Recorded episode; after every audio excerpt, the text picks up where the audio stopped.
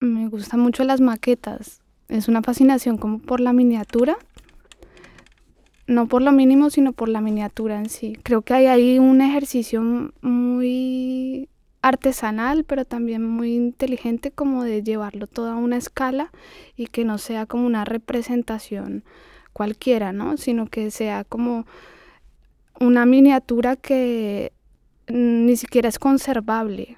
Primero, también los videos, por ejemplo, de acciones, para mí son una especie de maqueta. Las mismas sintonías de una radio falsa o inventada puede ser una maqueta. Son mini maquetas. El mismo gesto de hacer maquetas te permite seguir maquetando hasta que encuentras como un, un dispositivo, algo que sea eh, penetrable, a pesar de ser pequeñito, ¿no? Como que sea eh, vivible, habitable. Y la maqueta más reciente fue una que hizo Samuel, que está aquí a mi lado. Fue una maqueta que llevamos para una protesta en plena pandemia por la gente que había matado en Bogotá, que fue como una masacre que se repitió después de mucho tiempo y recientemente hubo un levantamiento social que fue silenciado por la policía a punta de bala. Entonces, esta maqueta de un CAI, que es como un centro de atención a la población, digamos un centro de cuidado por la policía, pero donde matan dentro gente y donde violan personas, o sea, mujeres, eh, mujeres trans, es como desastroso. Entonces, coger toda esa energía y, ¿no? Condensarla en una especie de crisola y maqueta del CAI y encenderla, eso como imágenes y como rumor es muy simbólico, ¿no? También muy catártico.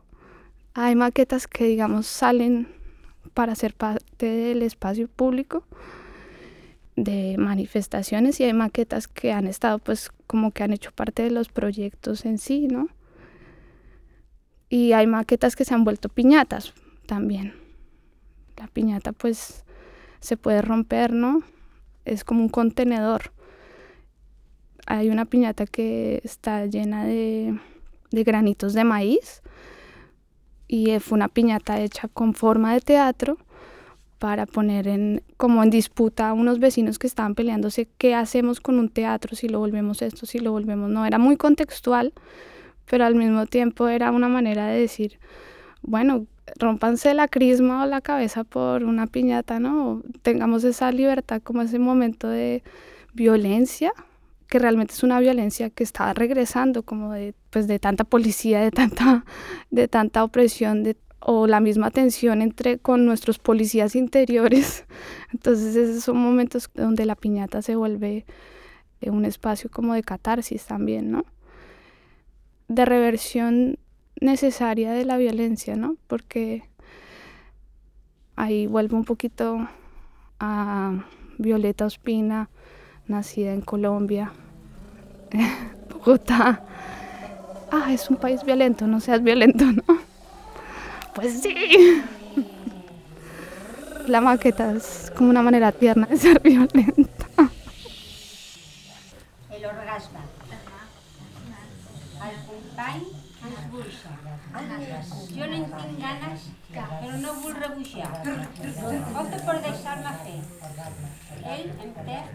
Violeta Ospina es artista, educadora e impulsora de proyectos colaborativos que prestan especial atención al sonido y al cuerpo. Su trabajo se despliega mediante dispositivos multiformes que buscan vivificar el presente empleando como materia prima los imaginarios y expresiones típicas de las festividades populares. Las piñatas, las maquetas, las procesiones, el karaoke, el carnaval o el cabaret aparecen en su práctica como catalizadores de violencia y ternura, capaces de despertar al mismo tiempo las posibilidades paródicas latentes en cualquier situación cotidiana.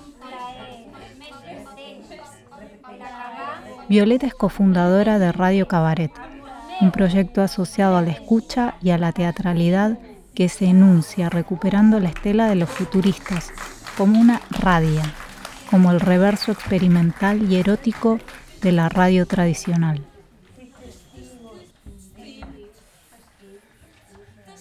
En este podcast, Violeta Ospina explica cómo se baila el strober de una ambulancia, desmenuza el proceso de infiltrar mensajes subliminales en un karaoke e imagina los cafés de John Cage en el molino como trozos de una historia minorizada del arte sonoro. La conversación incorpora las reflexiones de Samuel Céspedes, Perry Medea, también integrante de Radio Cabaret, sobre el problema de tomar la palabra en lugar del otro, la representación de los demás, la relación entre voz y democracia y la necesidad de una reelaboración profunda de la práctica política de la escucha.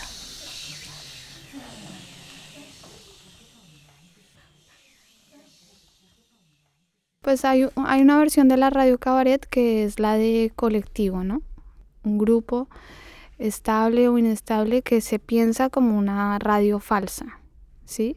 Y a partir de, los, de cada proyecto que hace y de cada, eh, digamos, escenario que se plantea, que tiene que ver mucho con formatos de radio recuperados o del mismo aprendizaje de hacer radio, bueno, es como un colectivo que va alimentando eso, entonces depende también como mucho de de la comunicación interna del colectivo, así seamos ahora, por ejemplo, solo dos personas, bueno, ahora tres, con Patricia, Samuel y Violeta.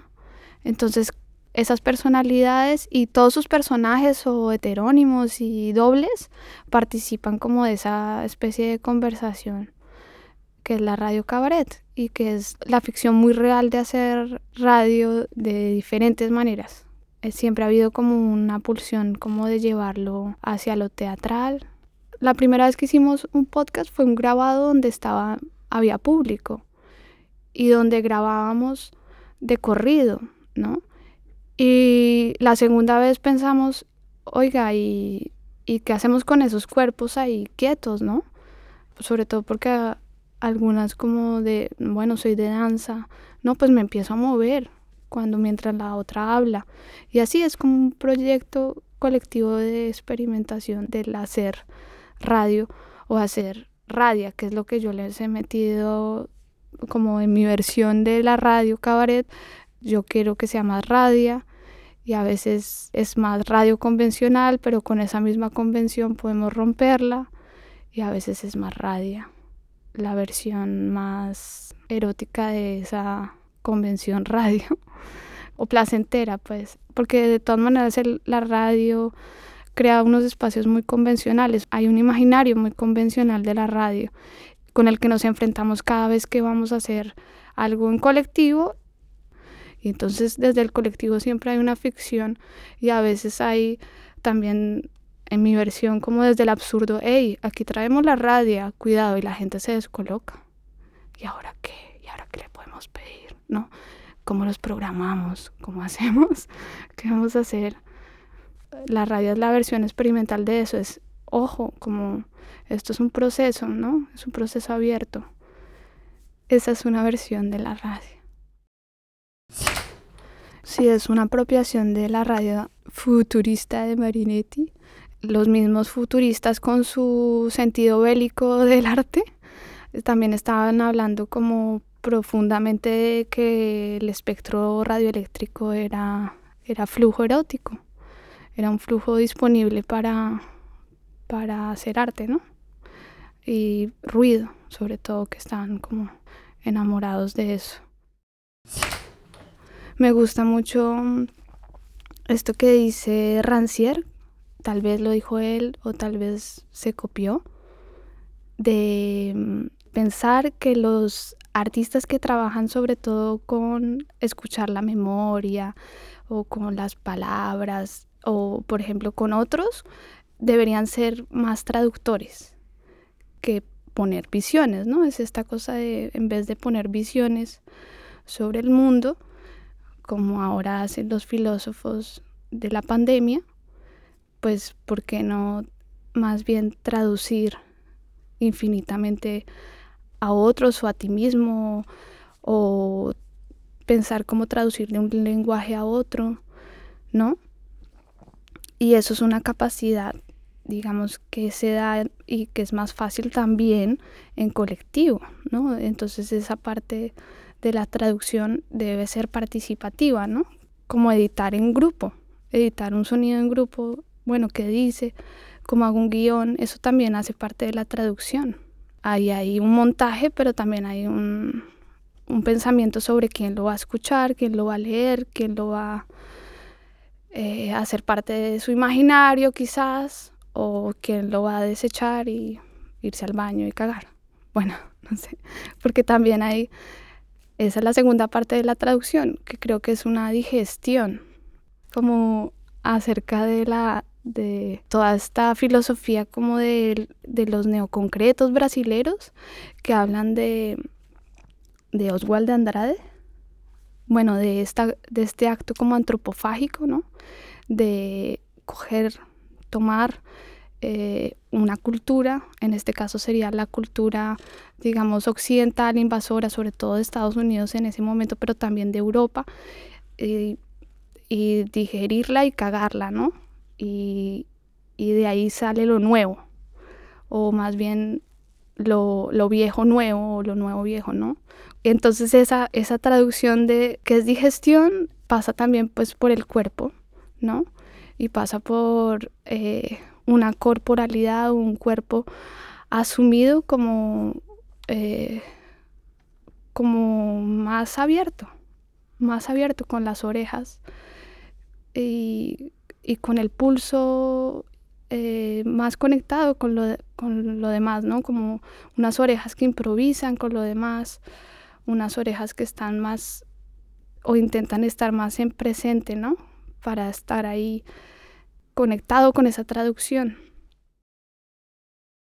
Otra cosa que me gusta hacer es salir a bailar, pero bailar muy lento. No estoy bailando ninguna música, ningún sonido, es algo que está en mi cabeza, la primera vez que lo hice fue muy afortunada porque eh, llegó una ambulancia, las luces de la ambulancia se quedaron encendidas, produciendo como el strober, ¿no? Y para mí eso fue también como un encuentro muy placentero. Y claro, repetir eso es muy difícil, ¿no? Como una vitalidad de, de concreción de la necesidad de, del goce, frente al, a un espacio más hostil, ¿no? Más eh, de muerte, ¿no? De el país está en guerra, entonces toda esta información también te está llegando y dices, bueno, en ese espacio de guerra, ¿cómo, cómo me veo eso, ¿no? ¿Cómo convierto eso como en una pócima o en, un, en una bebida homeopática, ¿no? Y si no, pues lo buscas. Entonces lo que he hecho como muchos trabajos también es buscar que no se confunda con el hedonismo quizás, aunque no le tengo nada contra el hedonismo, pero, pero sí como, como buscar esos espacios donde eso se vuelva a poner como en el centro, ¿no? Y sobre todo cuando se vuelven muy rígidos, muy, donde no hay como nada fluye, pues el erotismo es una posibilidad, por ejemplo el placer es una posibilidad para la vida, ¿no? No siempre relacionado ni con la sexualidad necesariamente, ¿no? La otra explicación de la radio es un espacio para encontrarse, enamorarse, fracasar con la propia voz, ¿no?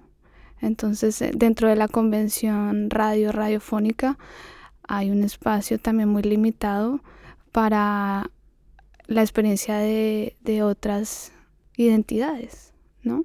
No solo personajes, sino identidades.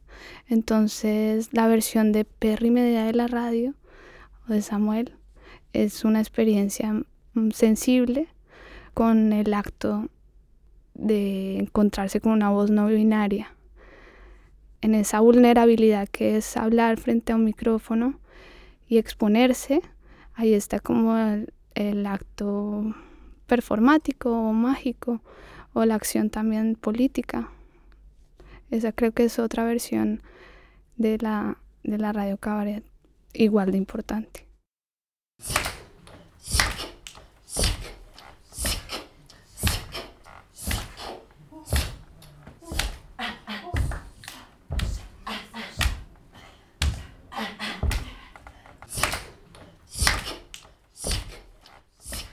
Hay como distintas formas de utilizar la palabra escucha, entonces uno puede decir tomar la voz o hablar en nombre de o hablar en favor de.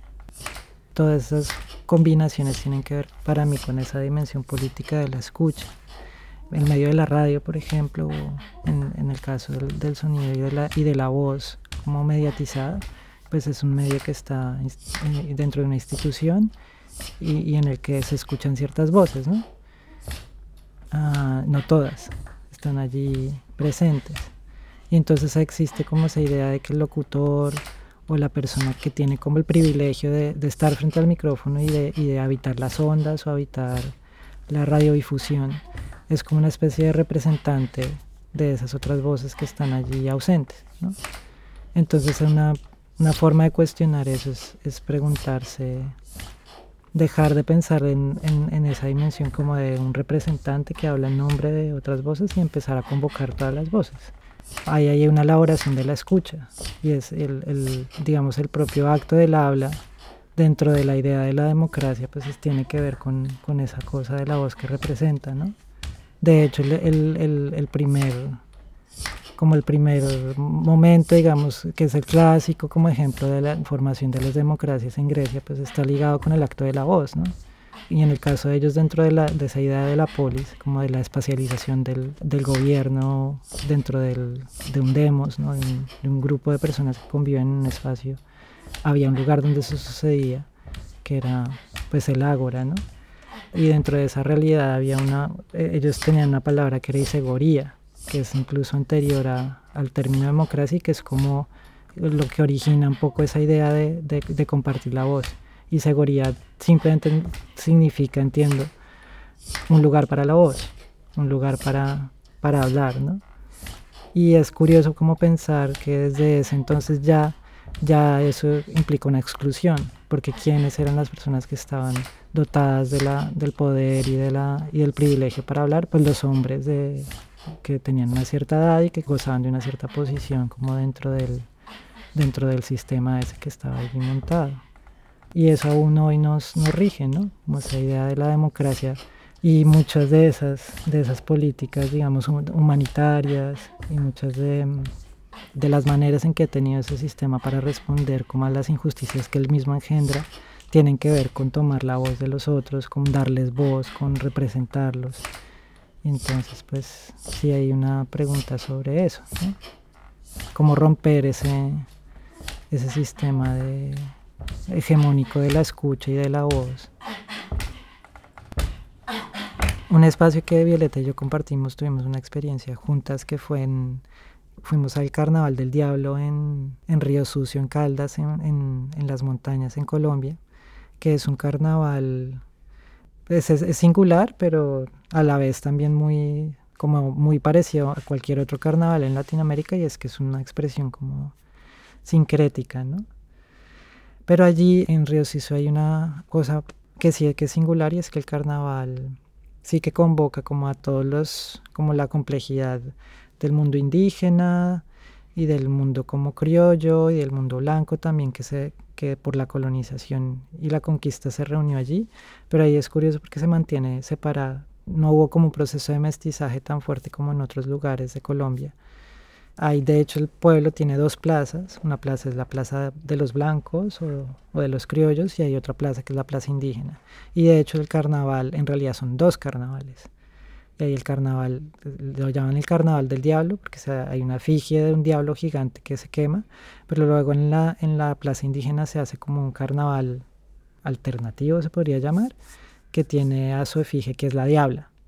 Ambos carnavales conviven como de manera mm, simultánea y, en tensión. Entonces una de las cosas que, que pasan en el carnaval del, del diablo en Río Sucio, que es, que es muy fuerte, es que el carnaval de Río Sucio está íntimamente ligado con la muerte y literalmente ligado con la muerte. Ahí se hace una cosa que se llama la alborada y es que la plaza del, digamos, de los criollos de los blancos está un poco más elevada eh, geográficamente y la otra plaza está más abajo y las conecta a una calle que baja, que va en bajada. Y entonces después de toda la fiesta, de estar toda la noche como allí de fiesta, la gente en la plaza alta, digamos, la gente cuando empieza a salir la luz del amanecer arranca a correr por esa calle cuesta abajo hacia la otra plaza y en esa, mm, en esa carrera hay estampidas y bueno, hay gente que cae y, incluso muere, ¿no? Porque es eh, aplastada como por la multitud que les pasa por encima. Creo que, que en la radio y en, en, el trabajo de Violeta hay esa relación con esa dimensión del carnaval, que convoca la muerte, que convoca el gozo y que también es una forma ahí como de resistencia a esa, a esa violencia, ¿no? Pero también de evitar esa violencia. Sí, el karaoke inmigrante también partió como de, del trabajo en grupo con Radio Cabaret porque estábamos haciendo una serie de buzones ya, ¿no? Habíamos empezado a hacer el consultorio sentimental de la señorita B y a recibir como información que nos llegaba de muchas partes, pero sobre todo hicimos de manera más detallada como eh, lo recogimos en, en internet porque era más fácil de agrupar como preguntas y luego también a los amigos, ¿no? Con el micrófono, micro, a la entrevista y micrófono en mano e ir preguntando, ¿no? Y cuando ya el material se iba haciendo como muy, muy grande y habíamos encontrado más o menos como una manera de, de resonar con eso, mejor dicho, una metodología en grupo, pasó lo del primero de octubre. Y, y el primero de octubre entonces de repente como que colapsa la ciudad, hay como un momento de espasmo. Unos días antes también había pasado lo de las ramblas. Esto nos atravesó en ese momento porque además estábamos trabajando ahí en, en el Palacio de la Virreina y ahí como que estábamos atravesados por ese momento de decir, bueno, ¿de dónde somos? De aquí, de no. Y de repente eh, mi compañero Perry Medea teniendo alucinaciones con que la policía lo va a coger y además lo va a deportar, ¿no? Entonces el karaoke inmigrante primero empezó como de esa sensación, primero de despojo que te quita a tus compañeros y a los demás el derecho como a, estar ahí en la ciudad, ¿no? Y que si hay una revuelta, una revolución y cambian o hay una independencia, no te está preguntando nadie si eres migrante, pues qué vas a hacer con tu vida, ¿no? hasta de pronto había rumores de que las leyes iban a cambiar y que no favorecían a la población migrante también. Entonces todo eso vale, pues karaoke como un momento de catarsis, pero antes del karaoke pues vamos a entender, vamos a abrir un buzón interno como de canciones y vamos a hacer una lectura de qué es eso del control migratorio, ¿no? Y también eh, leámonos a partes de la ley de extranjería. Entonces dijimos, bueno, vamos leyendo esto y les propuse ir a la calle a leerlo además porque lo que pasa en la calle es que nadie te escucha. Es como entender esa sensación, ¿no? Así por lo menos no, si no eres una persona que no tienes papeles, por lo menos dices, bueno, se siente mal, ¿no? Que no lo escuchen o hay una cosa ahí con el sentido y con el con el deseo, la necesidad de hacer catarsis también en el karaoke. Y a partir de ahí, pues es un ejercicio muy sencillo, es cambiarle algunas palabras a las canciones, pero todo está como dentro de ese paquete de consumo, que igual es un paquete que me gusta porque está prediseñado, o sea, hay una organización ya de cómo debería ser un karaoke y es más fácil llegarle, oye, vente a un karaoke y de repente puro mensaje subliminal. Entonces puedes llegarle a los blancos también a los no blancos y todos están ahí en un mismo espacio como en, un qué hago, qué hago, me pongo el micrófono, no lo sé. Y de repente alguien coge el micrófono y luego hay que sacarlo del micrófono. Entonces yo también tengo un personaje que es un poco, es la copito, pero se vuelve un poco dominatrix, como en ese sentido del, del que carga de anfitrión de la cosa y hay escoltas también, pero son muy tiernos. Está por ahí la inmunda, que tiene unas orejas muy grandes. Está en el último karaoke apareció otro personaje por ahí. Bueno, personajes autocreados, ¿no? Como desde esa libertad de, bueno, puedes venirte fantaseado también para apoyar la logística del karaoke, para que fluya. Y cada vez es diferente, porque el dispositivo de traducción se va alimentando poco a poco mientras sacamos, robamos de YouTube las bases del karaoke, las mezclamos y mezclamos la letra hackeada por dos o tres, cuatro traductores. Se va alimentando, ¿no? Una y otra vez. Y luego también depende de la invitación, de la invitación del lugar, ¿no? De ese espacio que no es un espacio en blanco, sino que tiene también su autoinstitucionalización o institucionalización. O sea, el karaoke ha estado en una ocupa, ha estado en un espacio de, de cierre de exposición, como muy a lo arte, ha estado sin cantar en una exposición también individual, entre comillas. Pues ahí nadie cantó y bueno, no pasa nada y luego ha estado petado en otros espacios como donde hay mucha gente, sobre todo estudiantes, inmigrantes, y están ahí como, eh, ya se volvió casi como un servicio para la comunidad. A mí me gustaría que fuera eso, ¿no? Como que fuera un servicio a la comunidad. Está muy sudaquizado, hay que llevarlo a otro lado, como en árabe como ese sería el siguiente paso, o derilla. Sería interesante que no lo robaran también y entonces fuera un, servicio casi que puedes agarrar y también usar sin necesidad de que estemos, ni que haya una inmunda o la copito o la dominatrix del karaoke. Igual está en YouTube. Puedes cantarlo en tu casa ahora en tu casa segura. Claro, los dispositivos museísticos, institucionales, son dispositivos de ficción, ¿no? Y lo que pasa eh, mucho con la ficción es que creemos, no, pues no tiene nada que ver con la realidad ni con la verdad. O, por ejemplo, hay también como un deber ser que yo, quizás algo personal, pero yo siento que en Colombia, como hay tanto peso de la realidad social y como del valor de la verdad, porque es necesaria, ¿no? ¿Dónde están los muertos? ¿Dónde está la... qué pasó? Y entonces es verdad y reparación y entonces la palabra verdad cobra como una dimensión casi que vital, pues entonces, y esos artistas haciendo ficción, pues meros snobs, ¿no? pero cómo recuperar esa ficción casi que documental de, la vida. Y entonces hay un proyecto que es, eh, se llama Guía Imposible y esta propuesta era hacer una guía eh, del museo fuera del museo.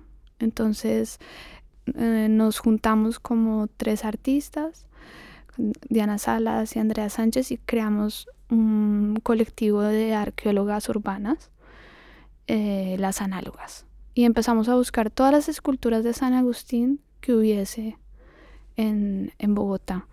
¿Qué son esas esculturas? Esas estatuas que representan chamanes de una cultura milenaria, eh, quizá la más monumental en Colombia, patrimonio de la UNESCO, todas esas ficciones y esas cosas, pues cómo acercarnos a, esa, a eso desconocido qué significa, por qué están ahí, la, eh, porque son, están en tumbas, pues a través de la misma eh, ciudad, ¿no?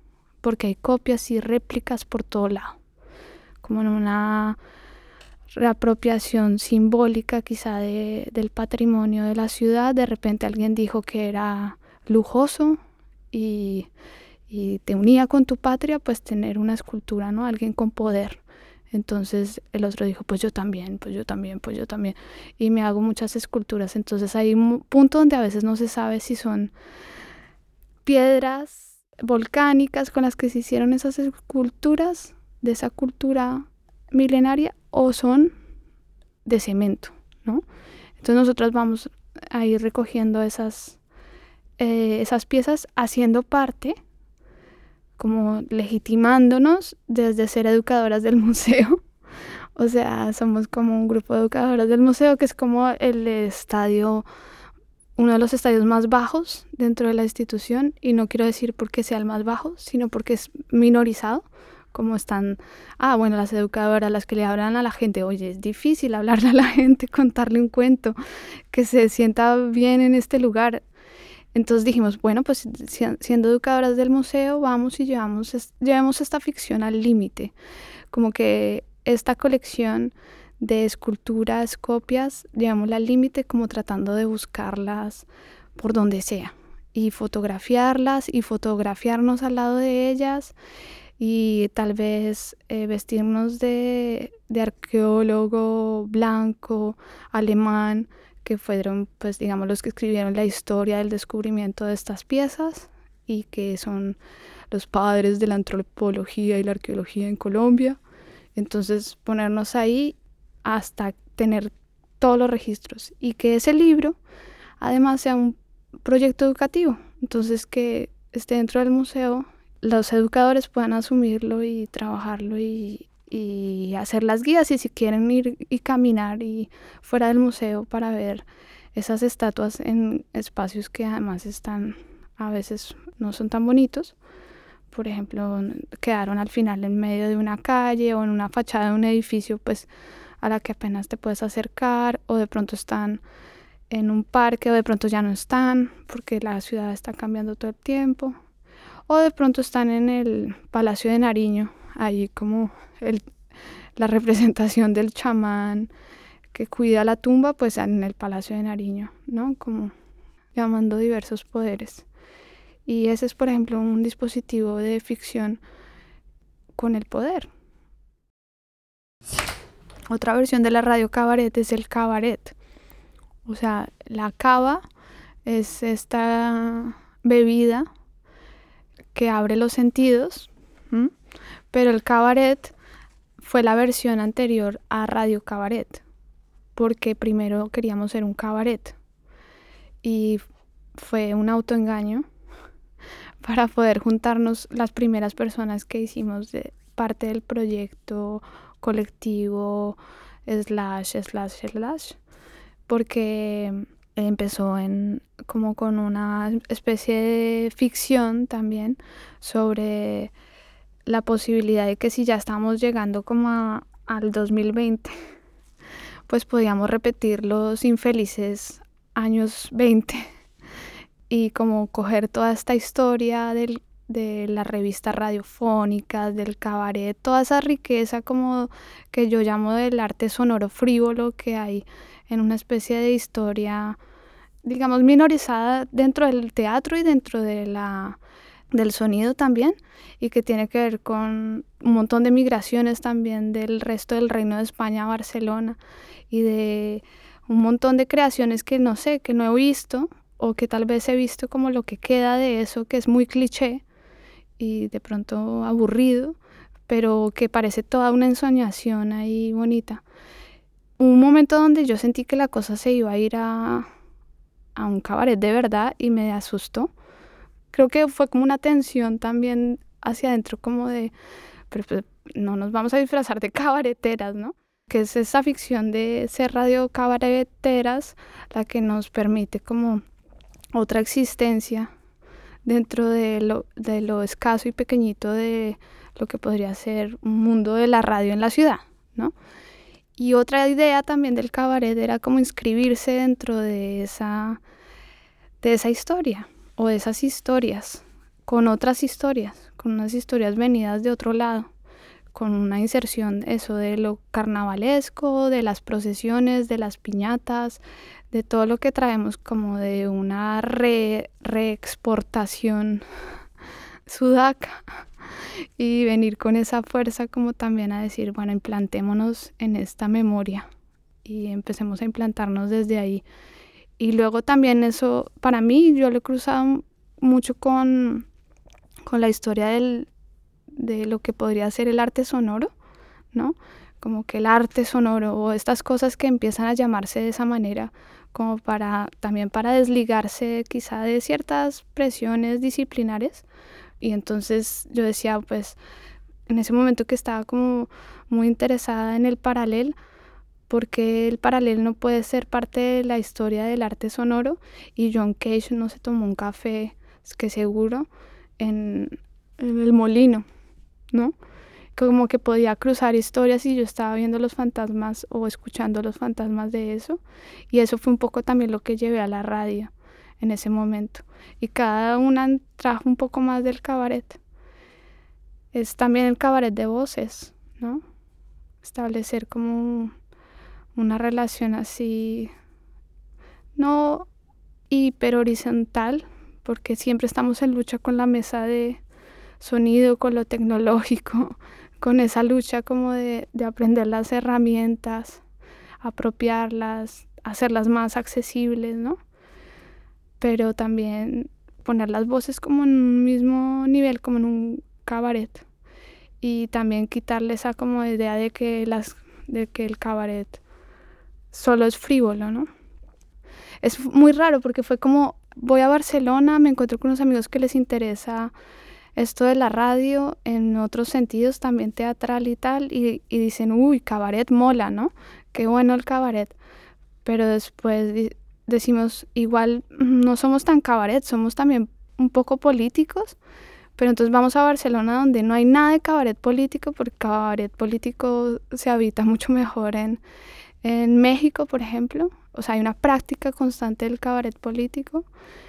Y en Colombia también. De hecho, yo vi cabaret político en Colombia, o sea, como unas mezclas ahí muy locas de mapa teatro, por ejemplo. Y de repente llego aquí, pues armémoslo de cero, a ver qué pasa.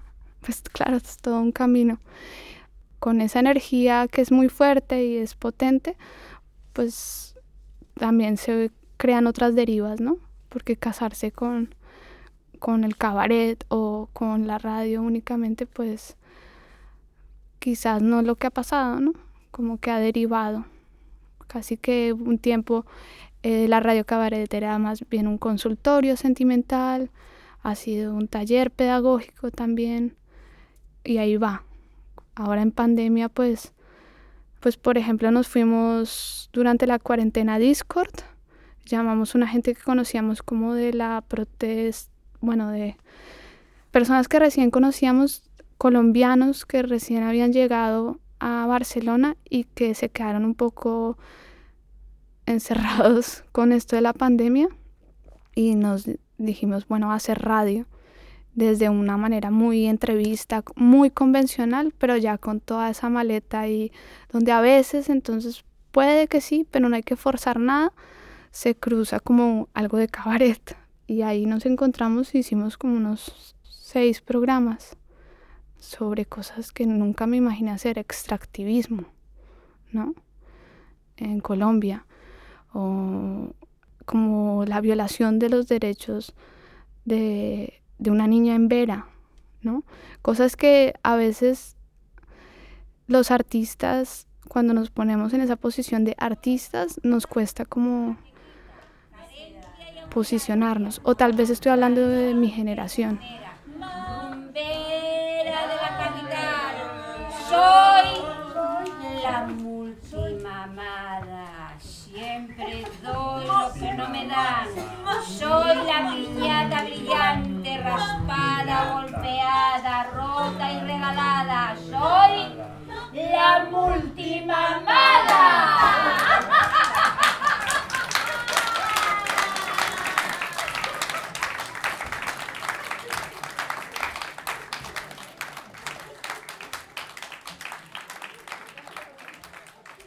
Es necesario como reciclar el tiempo o jugar con, con una especie de colección de tiempo también que te permita nuevamente reciclar de una obra o de un trabajo que implica tiempo, tiempo dinero, tiempo monetizado, eh, pues más. Es como un recurso de aprovechamiento, como tener una especie de, de almacén de tiempo, porque realmente no estás inventando nada nuevo.